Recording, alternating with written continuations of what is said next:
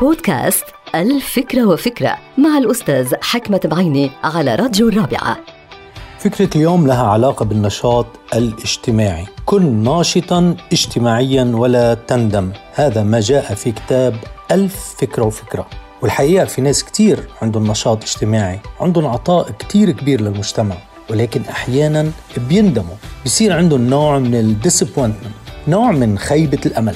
ولكن في هذه الفكرة نؤكد على أن الإنسان الناشط اجتماعيا عليه أن لا يندم لأن النشاط الاجتماعي صفة مميزة إلى علاقة بالإنسانية صفة مميزة لأشخاص بيقدموا وبيعطوا بكل فرح للمجتمع لأن النشاط الاجتماعي لا يجوز أن نندم عليه. انتهت الفكرة. هذه الحلقة مقتبسة من كتاب الفكرة وفكرة.